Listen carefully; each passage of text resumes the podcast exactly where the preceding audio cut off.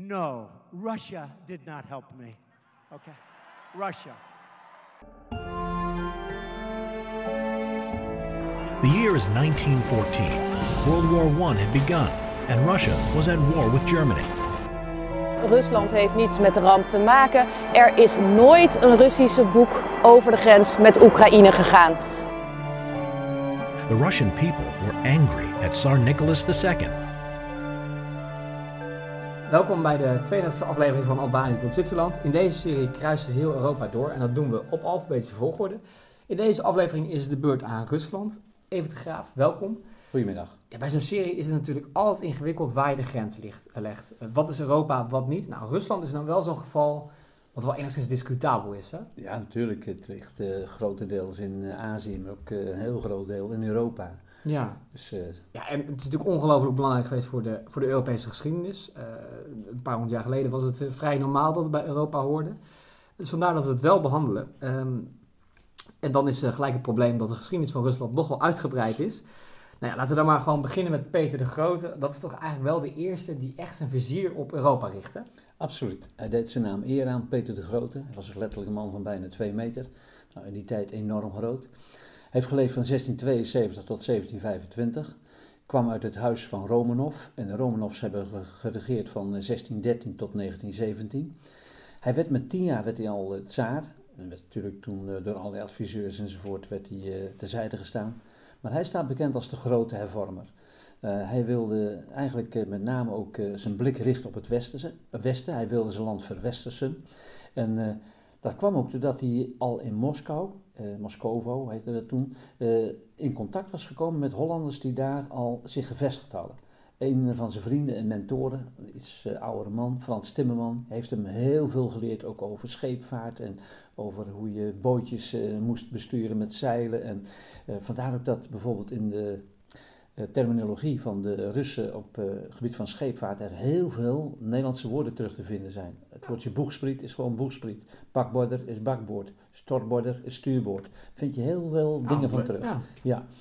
Hij sprak ook een beetje Nederlands en heeft ook uh, inderdaad uh, plan opgevat uh, om het leger, de kerk, het onderwijs en de volksgezondheid te hervormen. En dat had hij gedaan doordat hij een aantal reizen incognito, maar werkelijk hij stak met kop en schouders boven de anderen uit en iedereen wist al heel gauw dat het het tsaar was. Maar hij heeft de, de Republiek, Nederland heeft hij bezocht, Duitsland, Engeland en Frankrijk en probeerde daar echt leergierig als hij was alles op te pikken wat hij nodig had voor die hervormingen. En met name nog een keer wilde hij een moderne vloot opbouwen, want hij wilde naar het warme water. En vandaar ook dat hij plannen had om Rusland uit te breiden in de richting van Europa. Hij heeft in 1703 de eerste schop letterlijk en figuurlijk in de grond gezet waar een nieuwe stad moest komen, naar hem vernoemd Sint-Petersburg. Ja. En, uh, zo wilde hij ook uh, daar in het uh, zeg maar hoge noorden van Europa, de Botnische Golf, hè, Finse Golf, wilde hij naar het warme water oprukken, maar ook richting het Zwarte Water. En toen botste hij natuurlijk op de Turken. Precies. Uh, door deze uh, aflevering heen pakken we eigenlijk de grote Russen uit de geschiedenis. dat is eigenlijk een beetje de, de leidraad, de sterke heersers. En de volgende is een vrouw, Catharina de Grote. Wat maakt haar zo bijzonder? Nou, A, is het geen Russin. Ze is een Duitse. Ze is afkomstig uit Stettin en heet Sofia van Anhalt-Zerbst. En is getrouwd met een zekere tsaar Peter III, was echt een slappeling. En binnen de kortste keer, dat was een heel slecht geregeld huwelijk, een verstandshuwelijk. Had ze inderdaad dus de macht in handen. Wel, door het huwelijk had ze haar naam moeten veranderen. Ze kreeg toen de Russische naam Catharina II, werd Russisch-orthodox. Maar het was, wat ik al vertelde, een, een heel slecht huwelijk. Uh, ze vond het een slappe vent en heeft hem echt ook eigenlijk haast laten opsluiten, zou je kunnen zeggen. Ze hield er heel veel minnaars op na. Een van de meest bekende is geworden Potjomkin of Potemkin. Misschien wel eens een keer van gehoord. Hij heeft geleefd van 1739 tot 1791. En die bedoelde zelfs zijn minnares. Dat tijdens rondritten door het land heeft hij echt van die nepdorpen heeft hij uit de grond laten stampen. Echt alleen maar de gevels. Daarachter was helemaal niks. En dat is echt een begrip geworden. Potjemkin, dat, dat je eigenlijk gewoon beduveld werd waar je haast bij stond. Maar zij regeerde als een verlichte despoten, alles voor, maar niets door het volk. Wel heeft ze gezorgd voor beter onderwijs. Ze was bevriend bijvoorbeeld ook met uh, uh, hele beroemde Franse filosofen als Voltaire en Diderot. Daar schreef ze ook gewoon mee in het Frans. Was echt uh, heel erudiet. ze wil ook een betere gezondheidszorg. ze schijnt al zich bezig te houden hebben met knappe koppen doktores om de ziekte de pokken te bestrijden door middel van vaccinatie al. Ze wilden het bestuur decentraliseren, werkelijk vrijheid van meningsuiting. Het is allemaal mogelijk geweest tot aan 14 juli 1789. Toen had je de Franse Revolutie. Toen schrok ze. Toen dacht ze, hé, wat in Frankrijk kan gebeuren, dat kan ook in Rusland gebeuren. En vandaar dat ze toen meer de teugels aantrok. Ja. En echt een uh, strenger uh, eigenlijk bevind uh, bewerkstelligde. Maar eigenlijk is, is het huwelijk van haar met Peter III een zegen geweest voor Rusland, als ik het zo goed, goed hoor. Nou, eigenlijk wel. aan de andere kant ook misschien vanuit Holland gezien een klein rampje. Want zij heeft onder andere ook heel veel dure schilderijen van Rembrandt heeft ze gekocht. En die zijn toen allemaal terechtgekomen in de Hermitage. het winterpaleis van de Romanovs. Ja het, het, is best wel een, eh, ja, een goed bestuurder geweest. Die ook een hele belangrijke oorlog heeft uitgevochten. De Zevenjarige Oorlog. Het voert te ver om daar allemaal op in te gaan van 1756 tot 1763. Maar ze was echt een eh, vrouw waar niemand omheen kon in Europa. Ja, dan gaan we door naar de volgende. Dat is Alexander. Niet de grote, die komt uit Macedonië, maar dit is Alexander de Eerste. zijn periode is ook die van Napoleon. En ja, dus eigenlijk horen die twee bij elkaar. Alexander en Napoleon. Ze hebben een wisselende band. Hè? Bondgenoot, neutraal, vijand, voor mij opnieuw bondgenoot. Ja, hoe, wat, waarom wisselde dat zo sterk? Ja, uh, hij heeft geregeerd, hij heeft geleefd van 1777 tot 1825. En hij was inderdaad pas vanaf 1801, 1802 was hij tsaar. En dan zie je net in die periode, als zij dus aan de macht komt, dat ook in Frankrijk in 1804 Napoleon de macht grijpt. Hij kroont zichzelf tot keizer in 18, 1804. En hij probeert dan natuurlijk ook Europa in zijn greep te krijgen.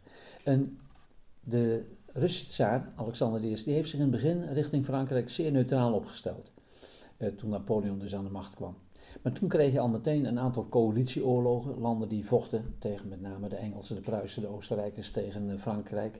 En dan zie je de derde coalitieoorlog van 1803 tot 1806, probeert hij eerst nog buiten te blijven, wordt hij toch ook in betrokken. En dan heb je zelfs nog een, eh, een eh, slag bij Austerlitz, de drie keizerslag, heel bekend. Frankrijk, een keizer, Rusland een keizer, Oostenrijk een keizer. Maar na die slag denkt hij, nou, ook weer eigenlijk heel pragmatisch, Frankrijk is zo ontzettend machtig, ik moet gewoon eieren voor mijn geld kiezen. Ik kies inderdaad de zijde van Napoleon. Wat gaat Napoleon doen? Hij heeft nog maar één hele grote tegenstander eigenlijk uit te schakelen, dat is Engeland. En dan gaat hij de zogenaamde economische blokkade gaat hij leggen. Dan wil hij uh, verbieden dat uh, schepen, daar hebben ook de Hollanders heel veel last van gehad, dat die handel drijven met Engeland. Dus gevolg is dat ook omgekeerd er geen producten meer Europa binnenkwamen. Tabak, noem allemaal maar op, en suiker en dat soort dingen. Dat uh, kon niet meer. Vandaar dat je ook eh, eigen bouw kreeg van tabak en suiker. Die werd verbouwd later in Nederland. Maar dat voert even te ver om dat te, te belichten. Maar met die economische blokkade wilde Engeland op de knieën krijgen. Met de Russen, die wilden wel handel drijven. En die dreven toch stiekem handel. En met name toen ook nog eens een keertje uh, Alexander I over Polen ruzie kreeg met Napoleon. Toen heeft hij gewoon gezegd, maar ik ben niet langer je bondgenoot. Ik kies partij voor, toen al genoemd, de geallieerden. En dan heb je uiteindelijk de hele grote veldtocht van 22 juni 1812 van Napoleon, die dus Rusland binnentrekt. En dan worden ze grote tegenstanders van elkaar. Ja, en Napoleon uh, valt Rusland ook binnen, bezet zelfs Moskou. ja, prachtig beschreven Oorlog en Vrede door de Tolstoy.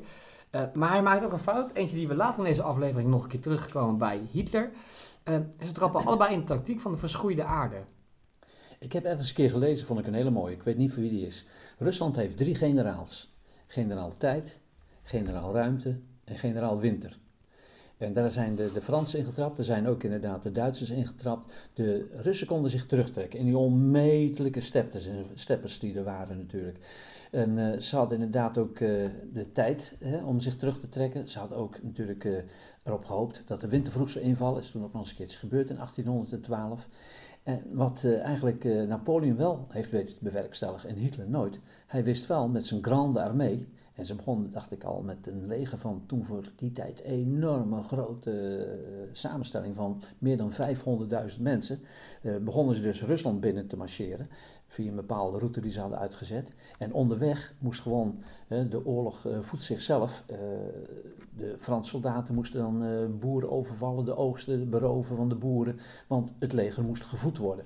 De vee werd geslacht, al dat soort dingen meer. En eh, die hebben toen uiteindelijk toch wel nog eh, Moskou weten te bezetten. En hij heeft daar nog geslapen in Moskou. En Hitler, ik weet dat hij ooit eens een keer een film van vertoont, dat hij ook een documentaire van de UFA, dat hij door een verrekijker in de vette Moskou zag liggen met het Kremlin, maar hij is er nooit geweest. Maar Napoleon wel. Hij was er nog maar net. En wat hebben toen de Russen gedaan? Je zei het al, tactiek van de verschroeide aarde. Wat inderdaad uh, niet meer door hun benut kon worden, ook op die hele lange weg naar Moskou toe. Dat was al bij het achterlaten door de Russen in de brand gestoken. En alles was vernield. En toen staken ze ook nog eens een keer de stad in brand. En toen moest uh, Napoleon hals over kop met een aardeslee, met een dikke bondmantel aan en met zijn gard. En moest hij dus uh, terugvluchten naar Frankrijk. En het leger moest terugtrekken. De Nederlandse pontoniers hebben toen nog een brug geslagen over de Borodino. Dat is echt een gruwelijke episode geweest in de oorlog. En van dat grote, machtige leger, waar ook, ik meen wel zeker 5000 Nederlanders mee vocht, kwamen er slechts 20.000 terug in Europa. Ja. En achtervolgd door uh, met name ook uh, de Russen. Ja. Hier zelfs in de buurt waar ik woon heb je nog een Kozakkenweg. Er is nog een Kozakkenkamp geweest in 1812, 1813. Toen ze ook Nederland, wat toen in handen van de Fransen was, hebben ja, helpen bevrijden van de Fransen met zomerkleding en zonder eten in Rusland. Dat is Precies. het algemeen geen goed teken. Um, we springen naar de 19e eeuw. Rusland heeft inmiddels een nieuwe aardsvijand. dat is het Ottomaanse Rijk. We hebben het al heel vaak besproken tussen Rusland en, en, en de, de, Turken. ook op de Balkan natuurlijk een, een belangrijk onderwerp. Waar ging die oorlog over? Waar, waarom, wat, wat was de spanning tussen de Ottomanen en de Russen? Nou, ik, eh, ik heb het al bij Peter de Grote verteld en dat zie je ook bij Catharina en eigenlijk ook tegenwoordig nog weer bij Poetin. De Russen die willen oprukken naar het warme water en met name ook uh, het gebied van de Zwarte Zee. En het doorstoot het liefst naar de Middellandse Zee. En dan heb je natuurlijk inderdaad uh, de Dardanellen en de Bosporus nodig. En dat is een van de redenen geweest. En de Russen zaten ook de Serven en de Roemenen op te stoken tegen de onderdrukkers uit Turkije. Dat er toen een Russisch-Turkse oorlog is uitgebroken van 1877 tot 1878. En dat ging letterlijk inderdaad om die ijsvrije havens die ze dan wilden veroveren. En het werd een, een ja, ware triomftocht voor uh, met name ook de Russen. De Turken werden toen al de zieke man van Europa genoemd. Die leden nederlaag op nederlaag. En het werd een hele voordelige vrede voor de Russen. De vrede van San Stefano. En een zeer nadelige dus omgekeerd voor de Turk. En dat ging met name Engeland en Duitsland en Frankrijk veel te ver. En die grepen in. En met name Bismarck, die toen uh, ervoor gezorgd had uh, dat Duitsland een eenheid was geworden in 1870. Hij noemde zichzelf een eerlijk makelaar en die heeft toen gezegd: we gaan een nieuwe conferentie beleggen en die vond plaats in Berlijn. En toen hebben ze werkelijk al die veroverde gebieden van de Russen hebben ze weer afgepikt. Want ze wilden niet dat de Russen oprukten, met name de Engelsen niet, naar de Middellandse Zee. Want dat was hun, vonden ze, ja. hun binnenzee. Daar ja. moesten de Russen vanaf blijven. Ja. Uh, Catharina de Grote probeerde het te voorkomen uh, tijdens de Franse Revolutie. Uh, maar, uh, en dat lukte ook, Rusland bleef een, een autocratisch land. Ja. Zelfs begin 1900 nog was het toch wel echt een van de traditionele landen van, van Europa. niet meegegaan in de hervormingen. En daar kwam steeds meer weerstand tegen. En er is één figuur die op de proppen komt, of die zich daar stevig tegen verzet, dat is Vladimir Lenin. Hè? Ja, boeiend. Hij heeft ooit toen hij 17 jaar was, uh, ik meen dat hij geboren is in 1870 en hij is overleden in 1924.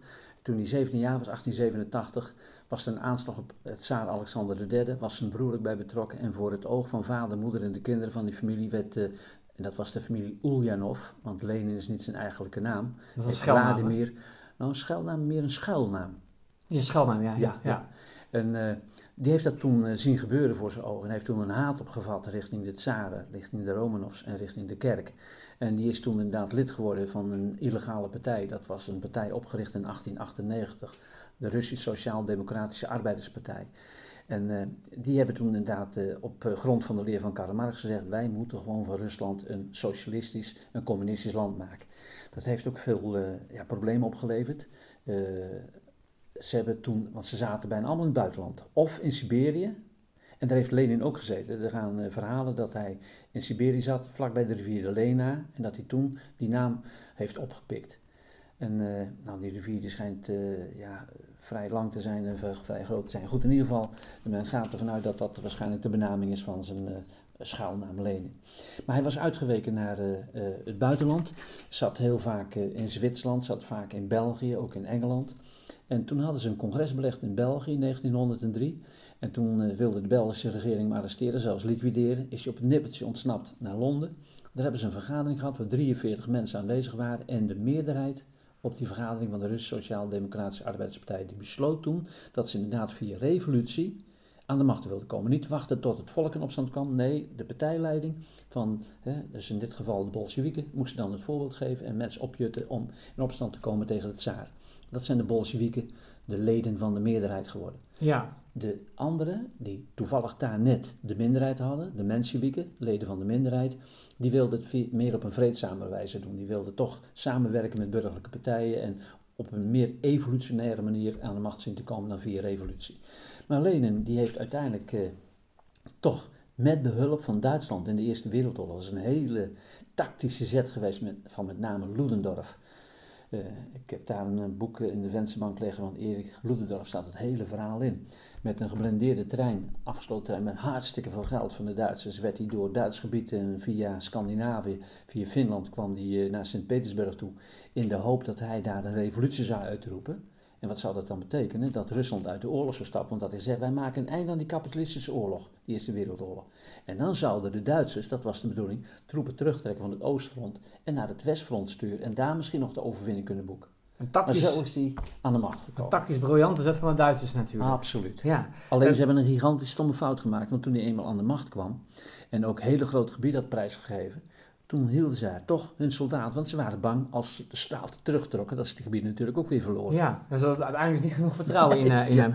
Uh, dat was ook echt een, ik ben een biografie over aan het lezen, dat was echt een, een manipulatief persoon, hè? die, eh, die, uh, die zijn vijanden in, in, woord en gebaar kort en klein ma Ja, absoluut. van Lenen zijn echt heel veel gruwelijke dingen te vertellen. Ja. Echt dat brute geweld en executies en verbanning. Hij was wat dat betreft ook een rode tsaar. Net ja. als Stalin. Terwijl Lenin, even iets terug, terwijl Lenin nog in het buitenland zit, breekt eigenlijk de eerste revolutie uit, dat is in 1905 al. Hè? Ja. En dat is, dat is uh, echt uh, tegen de tsaar gekeerd en tegen het beleid van de tsaar gekeerd. Ja, dan zie je dat het heel eigenlijk vreedzaam begint, dat er een uh, protestdemonstratie is, ook weer in Sint-Petersburg op een zondag. Uh, in januari 1905, ik meen 28 januari, onder leiding van priester Capon. En die gaan echt een petitie voorlezen. En er staan er echt uh, heel veel soldaten opgesteld voor wat tegenwoordig het uh, museum is, de Hermitage, maar toen het Winterpaleis. En wat er precies gebeurd is, dat weten we niet, maar ze vonden dat die priester met zijn aanhang men zegt dat er wel tussen de 130 en 150.000 arbeiders stonden, die allemaal maar één ding wilden: een einde maken aan de oorlog die er toen woedde, 1904, 1905, met Japan. En die dramatisch verlopen is voor de Russen voor de eerste keer dat een gekleurd land, Japanners, een machtig blank land de Russen wist te verslaan. Leidde tot armoede, leidde tot honger en al dat soort dingen meer. En ze protesteerden, ze wilden betere werk- en leefomstandigheden, die uh, arbeiders. En opeens paniek, er wordt gevuurd. En de een zegt 130 doden, de ander zegt 300 doden. De exacte cijfers weten we niet, maar toen kreeg het inderdaad de naam Bloedige Zondag, omdat daar op dat plein voor het Winterpaleis zo ontzettend veel mensen vermoord zijn. Ja. En de gevolgen waren desastreus, want uh, uh, toen kreeg je al dat meteen er de allereerste Sovjet werd gevormd in Sint-Petersburg door Trotsky. Er kwamen mensen die zeiden, en nou willen we eindelijk na vele, vele, vele jaren willen we weer een volksvergadering, een Duma, waarin onze eisen naar voren gebracht kunnen worden. En we willen meer hervormingen. Dat heeft inderdaad eigenlijk de tsaar door het brute optreden, het Nicolaas II, over zichzelf afgeroepen. Ja, want dat is eigenlijk, daar komen we zo nog uitgebreid op, maar een, een, een, een bizar slechte keizer, hè? Het tsaar, sorry, bizar slechte tsaar, Nicolaas II. Ja, hij was een zeldzaam vriendelijke man. En als je nou uh, echt uh, spreekt van een gelukkig huwelijk, dan was dat een intens gelukkig huwelijk uh, tussen hem en zijn vrouw Alexander, ook een Duitse vrouw. Maar omdat ze van Duitse afkomst was, werd ze echt de Duitse genoemd. Hij had een premier die heette Boris Sturmer. Nou, dat was ook natuurlijk geen Russische naam. En ze vonden dat dat een Duitse kliek was, dat hij veel meer eigenlijk ja, de Duitsers in de hand werkte en dat hij de Duitsers bestreed. Het ging zo slecht aan het front dat hij zelf de leiding op zich nam in de Eerste Wereldoorlog, was vaak afwezig. En net in die periode krijgt vaste voet aan de grond aan het hof en zeker Rasputin. Ja, ja want ongeveer elke keuze die hij in die jaren maakt is een verkeerde. De eerste, Absoluut. Laten we beginnen met de, de Eerste Wereldoorlog, want de Russische leger stelde eigenlijk helemaal niets voor. Hè? Uh, nou, qua mankracht hadden ze enorm veel mensen, alleen veel te weinig bewapening. Ze hadden wel een lesje geleerd uit de nederlaag tegen uh, uh, met name ook Japan, die oorlog van 1904-1905. En ze begonnen al met moderniseringen in het leger en ook betere bewapening. Maar met die massale mobilisatie die er moest komen, hadden ze te weinig wapens. Werkelijk, er waren echt opdrachten, bevelen, oekazes, ook zo'n Russisch woord wat we ook in het Westen kennen, van uh, nou jullie stormen de vijand tegemoet en als ze dan inderdaad, dat waren de eerste met wapens, als die doodgescholden worden, neem je de wapens maar van hun over, dan kun je zelf verder vechten met die wapens van je kameraad. Ze waren slecht bewapend. Wel hebben de Duitsers misrekening gemaakt, want die dachten in dat onmetelijk grote rijk van Rusland zal het zeker twee maanden duren voordat de mobilisatie plaatsvindt.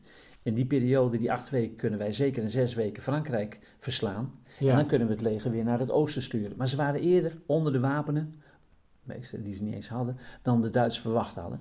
Maar ze hebben in het begin een paar overwinningen geboekt, met name op Oostenrijk, maar tegen de Duitse legers Ludendorff, Hindenburg, Hindenburg, daar konden ze absoluut niet tegenop. Het ging steeds slechter. En wie kreeg alle schuld in de schoenen geschoven? De grote generaal, de legeraanvoerder, Tsaar Nicolaas II. Ja, want die had de leiding op zich ja, genomen. Precies. Ja, um, dat was niet zo'n gelukkige keuze. En, uh, je, noemde, je, noemde, het net wel even, maar misschien nog veel slechtere keuze was om Rasputin uh, binnen te laten aan het, uh, aan het hof. Een, een, van de meest bizarre figuren in, ja, in een hof, hè? Ja, de, echt, daar kun je een uur over vertellen. Die man is geboren ergens in Siberië, 1869. En heeft geleefd tot 1916. Hij was uh, van boerenafkomst en kreeg al gauw de neiging om ook, een, dat heette toen in Rusland, een starets te worden. En een starets, dat is een geestelijk leider. die trok rond en had dan zijn volgelingen. was niet echt een monnik dat hij zich opsloot in een klooster. Maar hij heeft wel, dat is wel leuk om te vertellen, heeft per te voet met allerlei wandelingen heeft hij echt bezoeken gebracht aan uh, de Krim, heeft bezoeken gebracht ook aan Jeruzalem, heeft bezoeken gebracht zelfs aan de kloosters in Athos in Griekenland. Enorme eindiging, die wandel enzovoort. En uh, ja, hij is geen een heel charismatisch figuur te zijn, had vaak een stoet van vrouwen om zich heen. Hij was later getrouwd, had daar een stel kinderen bij in Siberië, in, uh, in het dorpje waar hij geboren was. Maar hij was bijna altijd onderweg. En dat wordt ook wel eens een strannik genoemd. En een strannik, dat is een pelgrim. En hij had ook nog iets van een gebedsgenezer en dat hij een ziener was. En uh, hij kreeg invloed aan het hof vanwege het feit dat die had uh, vier, met zijn vrouw vier beeldschone dochters, maar één jongetje, de nakomeling, Alexei, die had een hele nare ziekte, een bloederziekte. Als die zich stootte en er begon iets te bloeden, dan was dat vaak dodelijk. En dat was allemaal via Koningin Victoria was dat doorgegeven via de vrouwelijke lijn aan mannelijke nakomelingen. En Alexei had het ook onder de leden. En hij kon die Rasputin niet de ziekte, de oorzaak wegnemen, maar wel de symptomen kon hij heel goed bestrijden. Dan ging hij naar het ventje toe, trok zich terug en dan praat hij zacht tegen hem en dan uh, streelde hij hem, al dat soort dingen meer. En dan werd het ventje rustig van en heeft heel wat bloedingen weten te stelpen, tot verwondering van velen. En daardoor kreeg hij heel veel invloed op met name de tsarina. Ja, en uiteindelijk werd zijn invloed zo groot dat uh, zelfs de bevolking volgens mij er spopperend over maakt, uh, maken, er, er gewoon klaar mee was. Ja, met name de hoge adel, die had het inderdaad op voorzien, want hij wist, die hoge adel wist hij van het uh, hof weg te werken. En een volle neef van, van de tsaar, of dat hij met een nicht getrouwd was van de tsaar, geloof ik dat het zo zat, Yusupov, met nog een stelletje hoge figuren, daar was ook een neef van de tsaar bij. Die hebben toen een aanslag op hem gepleegd. En misschien ik weet niet of de tijd te, toestaat, hij heeft het voelen aankomen. En die heeft in september 1916 heeft hij een brief geschreven.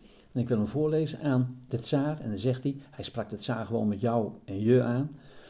Uh, ik laat je deze brief na die ik geschreven heb te Sint-Petersburg. Ik voel dat ik zal sterven voor 1 januari. Ik wil iets bekendmaken aan het Russische volk, aan papa, de tsaar, aan de moeder der Russen en aan de kinderen, aan het land Rusland. Iets wat ze moeten begrijpen. Als ik vermoord word door gewone moordenaars en in het bijzonder door mijn broeders, de Russische boeren, dan heb jij, tsaar van Rusland, niets te vrezen. Je zult blijven regeren. En je hebt niets te vrezen voor je kinderen. Ze zullen honderden jaren over Rusland regeren. Maar als ik word vermoord door de bojaren, de edelen, en als zij mijn bloed vergieten, dan zullen hun handen met mijn bloed besmet blijven. 25 jaar lang zullen hun handen niet van mijn bloed gereinigd worden. Ze zullen Rusland verlaten. Broeders zullen broeders doden. En ze zullen elkaar doden en elkaar haten en 25 jaar lang zullen er geen edelen in het land zijn. Tsaar van Rusland, als je het geluid hoort van de bel, dat je zal vertellen dat Grigori, zijn naam, hè, vermoord is, dan moet je dit weten. Als het jouw familieleden waren die mijn dood beraamd hebben, dan zal niemand van je familie, dit wil zeggen geen van je kinderen of familieleden, langer dan twee jaar in leven blijven. Ze zullen gedood worden door het Russische volk en ik zal vermoord worden. Ik ben al niet meer onder de levenden. Bid, bid, wees sterk en denk aan je gezegende familie. Nou, bijna alles wat hier staat is haast letterlijk uitgekomen. Ja. Hij werd vermoord door de adel. Hele hoge hè, leden van de, de Russische adel. Die zijn later ook gevlucht naar het buitenland. Er is een Russisch burgeroorlog uitgebroken. De communisten grepen de macht. En op 17 juli 1918 werd de hele Tsari-familie bloedig vermoord in Jekaterinburg. Het is eh, vrij bizar, toch? Ja, bizar. Het is een bizarre brief dan. Ja. Als je het zo, eh, met de kennis van nu is het een bizarre eh, brief. Ja.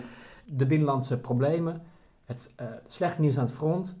Ja, dat, het houdt een keer op natuurlijk, ook voor een tsaar. En dat geldt ook voor Nicolaas, hè? Ja, en dan is het heel goed om dat even goed duidelijk te maken. Dat je dan in 1917, nu precies 100 jaar geleden, had je twee revoluties. De eerste was de februari-revolutie. En eh, ja, dat, dat voert allemaal te ver.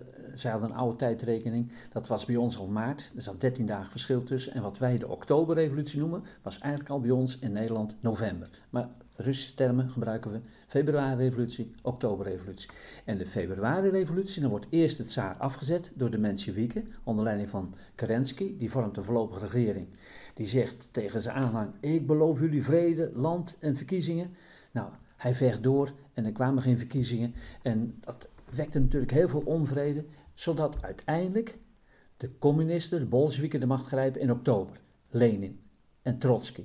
En op de achtergrond een heel klein rolletje in dat geheel Stalin. En die grijpen dan de macht, proberen de macht te grijpen, heeft nog tot een burgeroorlog geleid. En dan wordt inderdaad Rusland in 1917, 1918, proberen ze dat helemaal communistisch te maken. Ja. En ook werd dus inderdaad de tsaar met zijn vrouw op 17 juli 1918 in Jekaterinenburg vermoord. Misschien heb je ooit het verhaal gehoord dat er eentje, een dochter, ze had allemaal van die corsetten aan met juwelen bestikt en al dat soort dingen meer. Dat de kogels daarop afgeketst waren, dat ze nog geleefd zou hebben, dat ze uit het graf is geklauterd.